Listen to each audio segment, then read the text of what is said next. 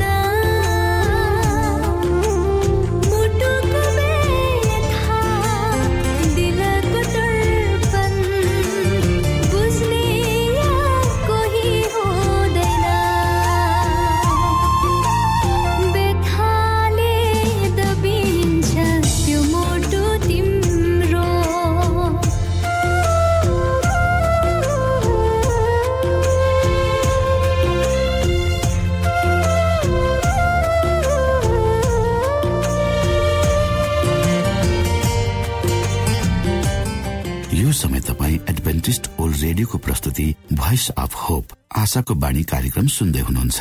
श्रोता मित्र यो समय हामी राकेश लामी छानेबाट आजको बाइबल सन्देश सुन्नेछौ। प्रिय श्रोता न्यानो अभिवादन। म परमेश्वरको दास परमेश्वरको वचन लिएर तपाईँहरूको अगाडि उपस्थित भएको छु। मेरो अभिवादन स्वीकार गर्नुहोस्। श्रोता आजको मेरो सन्देश परमेश्वर हाम्रा भरपर्दो अभिभावक भन्ने रहेको छ।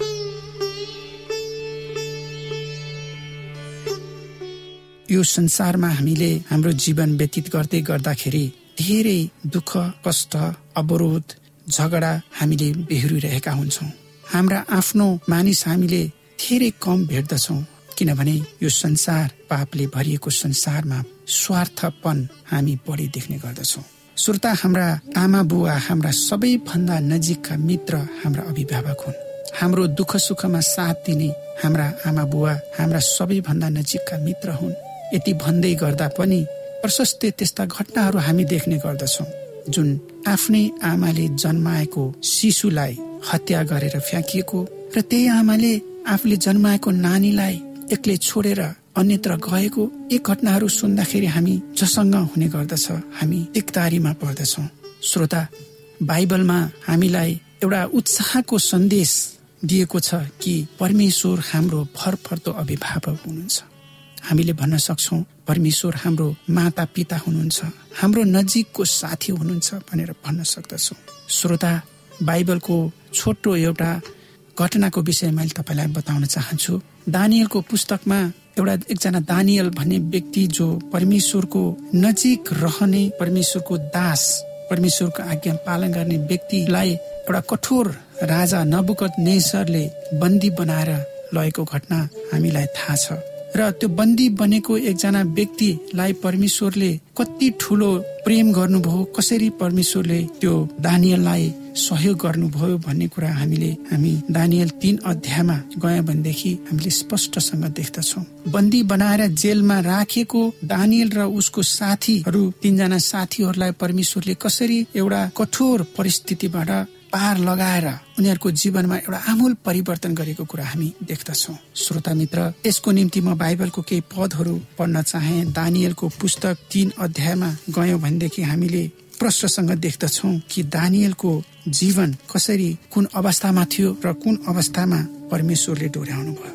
दानियल एउटा परमेश्वरको भय मान्ने परमेश्वरलाई मात्र ग्रहण गर्ने व्यक्ति तर नबुकट नेचर राजा जो आफ्नो प्रशंसा र आफ्नो लागि एउटा घमण्डी राजा भएको कारणले उनले एउटा सुनको मूर्तिलाई दण्डवत गर्नका लागि एउटा कार्यक्रमको आयोजना गरे। यहाँ तीन अध्यायमा जानुभयो भनेदेखि तपाईँले भेट्न सक्नुहुन्छ राजा नबुकट नेचरले तीस मिटर अग्लो र तीन मिटर चौडा भएको सुनको एक मूर्ति बनाए र त्यसलाई बेबिलोनको प्रदेशमा स्थित तुरा नाम गरेको मैदानमा स्थापना गरे। त्यसपछि उनले त्यस मूर्ति अर्पण गर्नलाई प्रान्तका बडा हाकिम इलाका अधिकारी राज्यपाल सल्लाहकार कोषा अध्यक्ष उच्च न्यायाधीश अग्लो अदालतका न्यायाधीश तल्लो अदालतका न्यायाधीश तथा सम्पूर्ण प्रान्तीय अधिकारीहरूलाई भेला गरे। यसकारण प्रान्तका बडा हाकिम इलाका अधिकारी राज्यपाल र सल्लाहकार कोषाध्यक्ष उच्च न्यायाधीश तल्लो अदालतका न्यायाधीश तथा सम्पूर्ण प्रान्तीय अधिकारीहरू राजा नवक नेसरले खडा गरेको त्यस मूर्तिलाई अर्पण गर्न भेला भए र त्यसको लागि उभिए। श्रोता यहाँ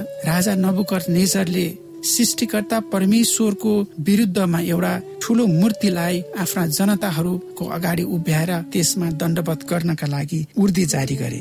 तर दानियल र उसका साथीहरूले त्यो नबुकट नेचर राजाले गरेको उर्दीलाई ठाडै इन्कार गरे किनभने परमेश्वरलाई मात्र ती जनहरूले दण्डवत गर्ने एउटा प्रतिज्ञा गरेका थिए किनभने परमेश्वरको विरुद्धमा जान उनीहरूले चाहेनन्। जब राजा नबुकर नेजरले दानियल र उसका साथीलाई त्यो मूर्तिलाई दण्डवत गर्नका लागि उर्ती गरे अराए तब दानियल र उनका साथीहरूले यसरी जवाफ दिए। हे नबुकर नेजर यस सम्बन्धमा हजुरको अघि हाम्रो आफ्नो पक्षमा भन्नुपर्ने आवश्यकता केही छैन। हे महाराजा यदि हामीहरू दन्किरहेको आगोको भट्टीमा फाल्यौं भने हामीलाई सेवा गरेका परमेश्वरले हामीलाई यसबाट बचाउन सक्नुहुनेछ र हजुरको हातबाट छुटकारा दिनुहुनेछ तर हामीलाई उहाँले यसो गर्नु भए पनि हे महाराजा हजुरका देवताहरूको सेवा गर्ने छैनौ न त हजुरले स्थापना गर्नुभएको सुनको मूर्तिलाई दण्डवत गर्नेछौ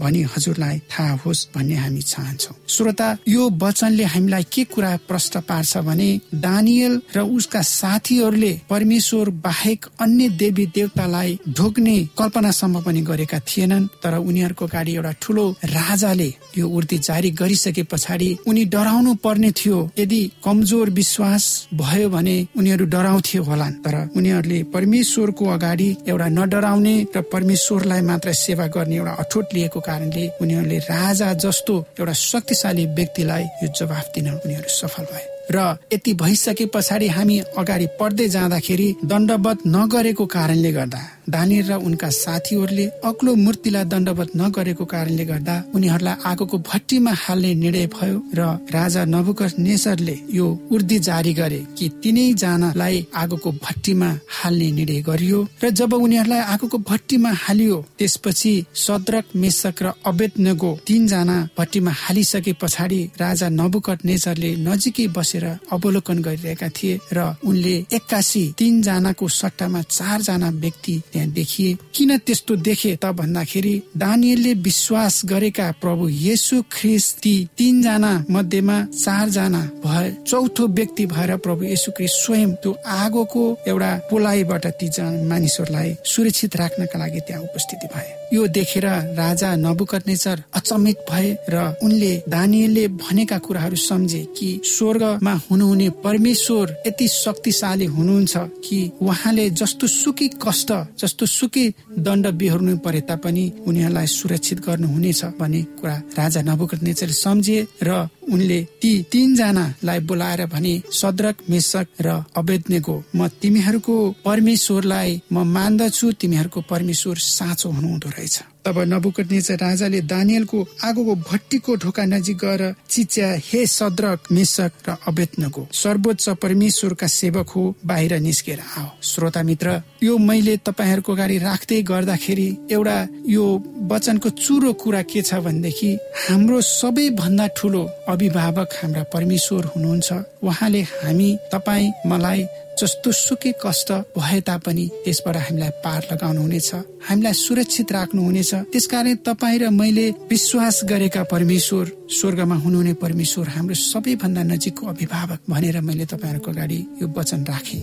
श्रोता तपाईँको मनमा तपाईँको बुद्धि विवेकमा के कुराले देखाउँछ ती कुराहरू मैले त्यो तपाईँले आफूले निर्णय गर्न सक्नुहुनेछ।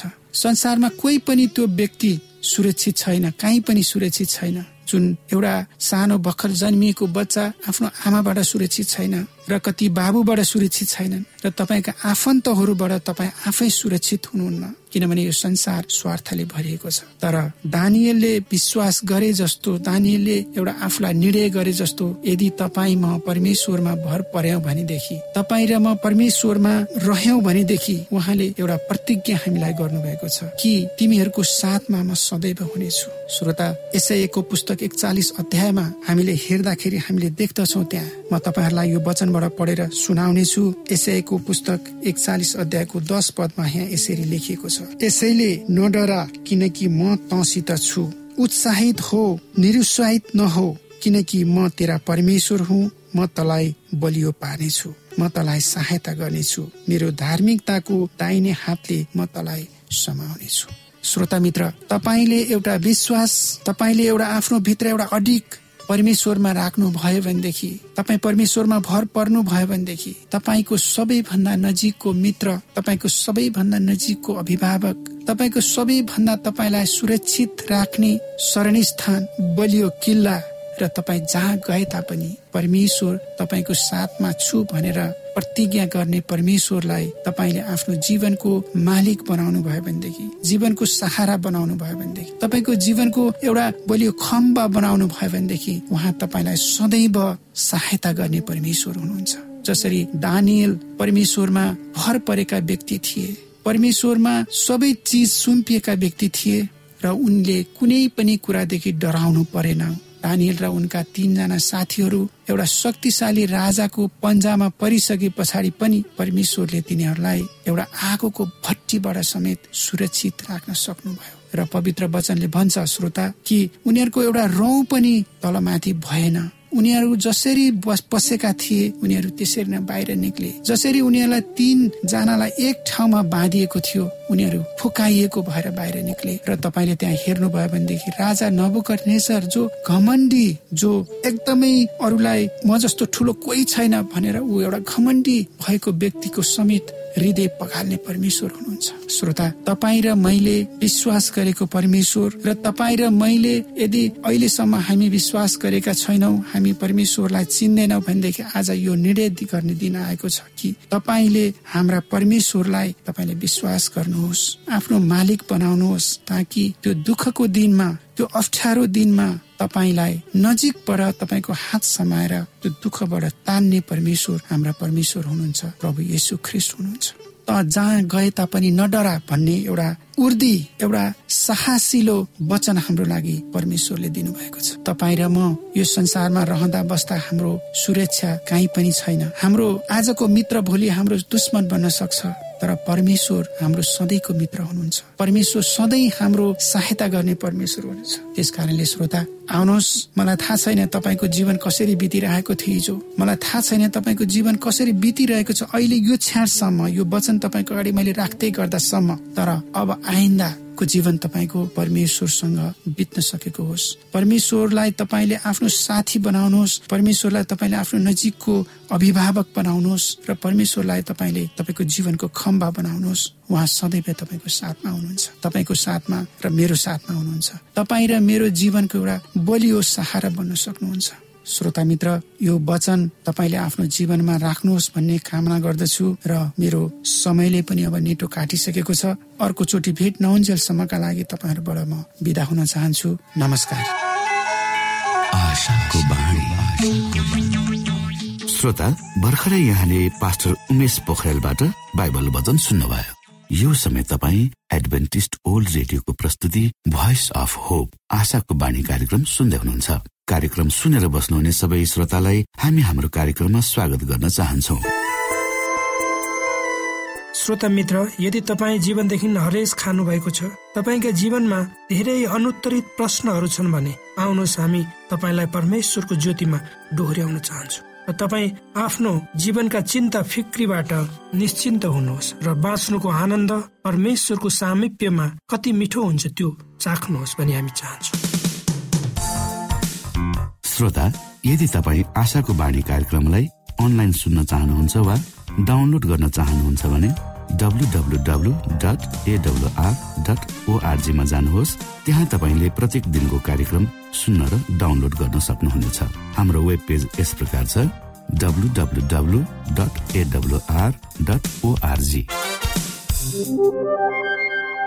श्रोता यदि तपाईँ हामीसित सिधै फोनमा सम्पर्क गर्न चाहनुहुन्छ भने हाम्रा नम्बरहरू यस प्रकार छन्। अन्ठानब्बे एकसाठी पचपन्न शून्य एक सय बिस। अन्ठानब्बे एकसाठी पचपन्न शून्य एक सय बिस। र अर्को अन्ठानब्बे अठार त्रिपन्न पन्चानब्बे पचपन्न। अन्ठानब्बे अठार त्रिपन्न पन्चानब्बे पचपन्न। यो आशाको बाणी रेडियो कार्यक्रम हो। म प्रस्तुता धनलाल राई स्वास्थ्य सम्बन्धी सन्देश लिएर आएको छु। स्वीकार्नुहोस्। आजको स्वास्थ्य सम्बन्धी सन्देशको शीर्षक रहेको छ शुद्ध हावा। श्रोता मित्र साधारण बोलीचाली गाउँले भाषामा हावालाई वायु भनेर पनि भनिन्छ। हामीलाई आजकाल शुद्ध हावा पाउन धेरै गाह्रो भएको छ। किनकि जनसङ्ख्या साथसाथै औद्योगिकरणका कारणले गर्दा हाम्रा वरिपरि वातावरण र वायुमण्डल दूषित भएका छन्। तर हामी खुल्ला मैदान हरियाली जंगल पहाडतिर समुद्रको किनारतिर हिँड्यौँ भने हामीले त्यहाँ शुद्ध वायु महसुस गर्न सक्छौ। हावापिनाको संसार हामी कल्पना गर्न सक्दैनौ। पानी र खानेकुरा बिना हामी केही दिन बाँच्न सक्छौ तर हावा बिना हामी केही क्षणमा मर्छौ। त्यसैले त होला परमेश्वरले हावाद्वारा मानिसलाई जीवित प्राणीमा हामीहरूलाई बनाउनु भयो। श्रोता मित्र आउनुहोस् हामी बाइबलमा उत्पत्तिको पुस्तकमा हेरौँ। यहाँ यसरी लेखिएको छ तब परमप्रभु परमेश्वरले भूमिको माटोबाट मानिस बनाउनु भयो र तिनको नागमा जीवनको सास फुकिदिनु भयो र मानिस जीवित प्राणी भए। उत्पत्ति दुई अध्यायको साथ सास अर्थात् हावा यसमा धेरै किसिमका ग्यास मिसिएको हुन्छ जस्तै कि हामी र जनावरहरू अक्सिजनद्वारा सास फेर्छौँ र बोट बिरुवाहरूले कार्बन डाइअक्साइडद्वारा सास फेर्छन्। बाइबलमा हावाको बारेमा अनगिन्ती पदहरू पाउँछौ। हामीमा परमेश्वरको शुद्ध सास राखेर उहाँले मानवलाई आफू जस्तै बनाउनु भयो तर मानिस चाहिँ अनेक प्रकारको सांसारिक अशुद्ध डुप्लिकेट हावा लिइरहेका छन् जस्तै चुरोट गाँजा लागु पदार्थहरू। तर हामीले एकपटक बाइबलमा हेर्यौं यहाँ अयुबले फेरि आफ्नो प्रवचन लिएर यसो भने परमेश्वरको रूपमा जीवित हुनुहुन्छ जसले मेरो अधिकार खोसेको छ र सर्वशक्तिमान जसले मेरो आत्मा कट्टु बनाउनु भएको छ। जबसम्म मेरो सास ममा छ र परमेश्वरको आत्मा ममा छ मेरो नाक मेरो ओठ झुटो बोल्दैन र मेरो जिब्रोले छल गर्दैन। यो मबाट टाढा भन्नको लागि कि तपाईँ सही हुनुहुन्छ? जबसम्म म मर्छु म मेरो इमान्दारी मबाट टाढा राख्ने छैन। अयुब सत्ताइस अध्यायको एकदेखि तेइससम्म हामी यो विषयमा हेर्न सक्छौ। परमेश्वरको सास भएका हामी प्राणी उहाँ जस्तै हुने प्रयास हाम्रो हुनुपर्छ। हामीलाई ताजा हावा चाहिन्छ। त्यहाँ धेरै अध्ययनहरू छन् कसरी प्रदूषण धेरै रोगहरूको जोखिममा वृद्धि गरिरहेको छ। तर हामी यो पनि जान्दछौ कि गहिरो सास फेर्नाले तनाव कम हुन्छ र धेरै रोगहरू त्यसमा लाग्छन्। त्यसैले आफ्नो सक्दो गर। सम्भव भएसम्म ताजा हावा हरियो ठाउँ वा पार्क जस्तै ठाउँहरूमा पाउन सक्छौ। तपाईँले पनि घरमा प्रकृतिहरूबाट ताजा हावा ल्याउन सक्नुहुन्छ। उनीहरू हावा फिल्टर र अक्सिजन प्रदान गर्न मद्दत गर्छन्। दिदी एलेन्जी भाइट यस विषयमा आफ्नो लेखद्वारा जानकारी दिनुहुन्छ कि सम्पूर्ण प्रणालीको स्वास्थ्य शोषण अङ्गहरूको स्वास्थ्य कार्यमा निर्भर गर्दछ। राम्रो रगत पाउनको लागि हामी राम्रो सास फेर्नुपर्छ। फोक्सो स्वास्थ्य हुनको लागि शुद्ध हावा हुनुपर्छ। श्रोता मित्र तपाईँको फोक्सो स्वस्थ हावाबाट वञ्चित भएको हुन सक्छ जस्तै खानाबाट वञ्चित भएको मान्छे जस्तै हुनेछ। साँच्चै हामी हावा बिना खाना भन्दा धेरै बाँच्न सक्दैनौँ। जुन खाना हो कि परमेश्वर फोक्सोको लागि प्रदान गरिएको छ। खराब गुणस्तरहीन वायु र वायु प्रदूषण कार्डियो पल्मोनरी रोग हृदयघात स्ट्रोक मुटुको विफलता क्यान्सर क्यान्सरको अवस्था र समय हुनुभन्दा पहिले मृत्यु दरसँग जोडिएको छ। यो मात्र बिग्रन्छ जलवायु परिवर्तनको प्रगतिको रूपमा जे होस् हरियो ठाउँ प्रकृतिमा हानिकारक प्रदूषणहरूलाई फिल्टर गर्दछ र गर्मीको तरङ्गहरूको समयमा चिसो प्रभाव प्रदान गर्दछ। स्वास्थ्य र भलाइमा एक सकारात्मक प्रभाव प्रदान गर्दछ। केवल प्रकृतिमा एक पैदल यात्रा हाम्रो फोक्सोलाई लाभदायक छ। तर यो मानसिक स्वास्थ्यको लागि लाभसँग जोडिएको छ। श्रोता मित्र अवसाद र कथित तनाव कम र भलाइमा सुधार हरियो ठाउँमा हिँड्ने पोटेक्स दिमागको क्षेत्र कि यसको सट्टा कति खराब जीवनमा ध्यान केन्द्रित गर्नुको सट्टा हामी अधिक सकारात्मक महसुस गर्छौँ जब हामी एक प्राकृतिक सेटिङमा हिँड्छौँ। तनाव खतराको लागि एक तीव्र सामान्य सहानुभूति तन्त्रिका प्रतिक्रिया हाम्रो छिटो गति दुनियाँमा पुरानो भएको छ। तनावको समयमा हाम्रो सास उथली र छिट्टो छ तर यो लयबद्ध गहिरो सासको माध्यमबाट एक आराम वा प्यारेसिम्प्याथिक प्रतिक्रिया गर्न सकिन्छ। यस प्रकारको सास फोक्सोलाई डायाफ्राममा भरिन्छ र प्रतिरक्षा प्रणाली सहित समग्र स्वास्थ्यमा सुधार गर्दछ जबकि तनाव पनि कम गर्दछ। यो प्रतिदिन दुईदेखि तीन पटक गर्ने कोसिस गर्नुहोस्। तपाईँ सास लिनुहोस् जबकि बिस्तारै पाँचचोटि गणना गर्नुहोस्। एक गिन्तीको लागि होल्ड गर्नुहोस् तब बिस्तारै सास फेर्नुहोस्।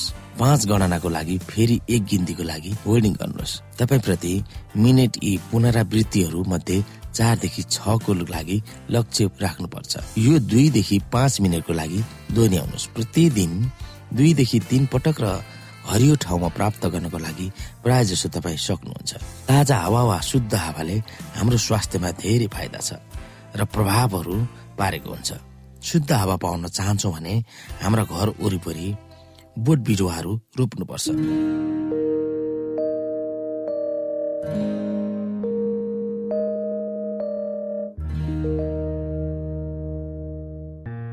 आदरणीय मित्र बाइबलले बताएको छ परमेश्वरले तीर्खाकाहरूलाई तृप्त पार्नुहुन्छ र भोकालाई उत्तम पदार्थले सन्तुष्ट पार्नुहुन्छ। हामीलाई दिइएको यो छोटो समय आशाको बाणीको प्रस्तुतिको समयमा हामीले हाम्रा श्रोताको आत्मिक भोकलाई केही मात्रामा भए तापनि सही प्रकारको खोराक पस्केर आत्मिक सन्तुष्टि दिन सकेका छौँ केही ऊर्जा थप्न सकेका छौँ भनेर हामीले आशा राखेका छौँ। आफ्ना मनमा भएका केही दुविधा र शङ्काहरू छन् भने अवश्य हामीसँग बाँडेर शङ्काको निवारण गर्नुहुनेछ र सही प्रकारको बाटो पहिलाउन सक्नुहुनेछ परमेश्वरको सच्चाइले अझ राम्रो बुझ्न सक्नुहुनेछ र आफ्नो जीवनलाई परमेश्वरमा पूर्ण समर्पित भएर समर्पण सहितको जीवन बिताउन सक्नुहुनेछ भनेर आशा राख्दै अब हामी हाम्रो कार्यक्रम सकिएको जानकारी यहाँलाई गराउन चाहन्छौ। जानुभन्दा अगाडि श्रोता हामी यहाँलाई हाम्रो ठेगानाको विषयमा जानकारी गरौं। हामीसँग पत्राचार गर्ने हाम्रो ठेगाना यस प्रकार छ। आशाको बाणी पोस्ट बक्स नम्बर दुई शून्य शून्य शून्य दुई काठमाडौँ नेपाल। आशाको बाणी पोस्ट बक्स नम्बर दुई शून्य शून्य शून्य दुई काठमाडौँ नेपाल।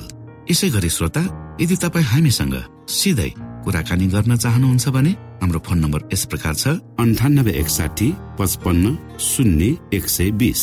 अन्ठानब्बे एकसाठी पचपन्न शून्य एक सय बिस र अर्को अन्ठानब्बे अठार त्रिपन्न पञ्चानब्बे पचपन्न। अन्ठानब्बे अठार त्रिपन्न पञ्चानब्बे पचपन्न। हामीलाई इमेल पनि गर्न सक्नुहुन्छ।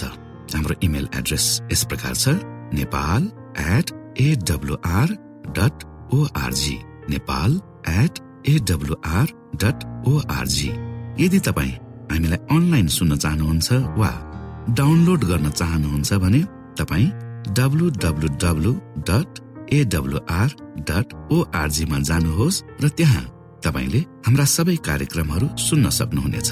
हाम्रो वेब पेज यस प्रकार छ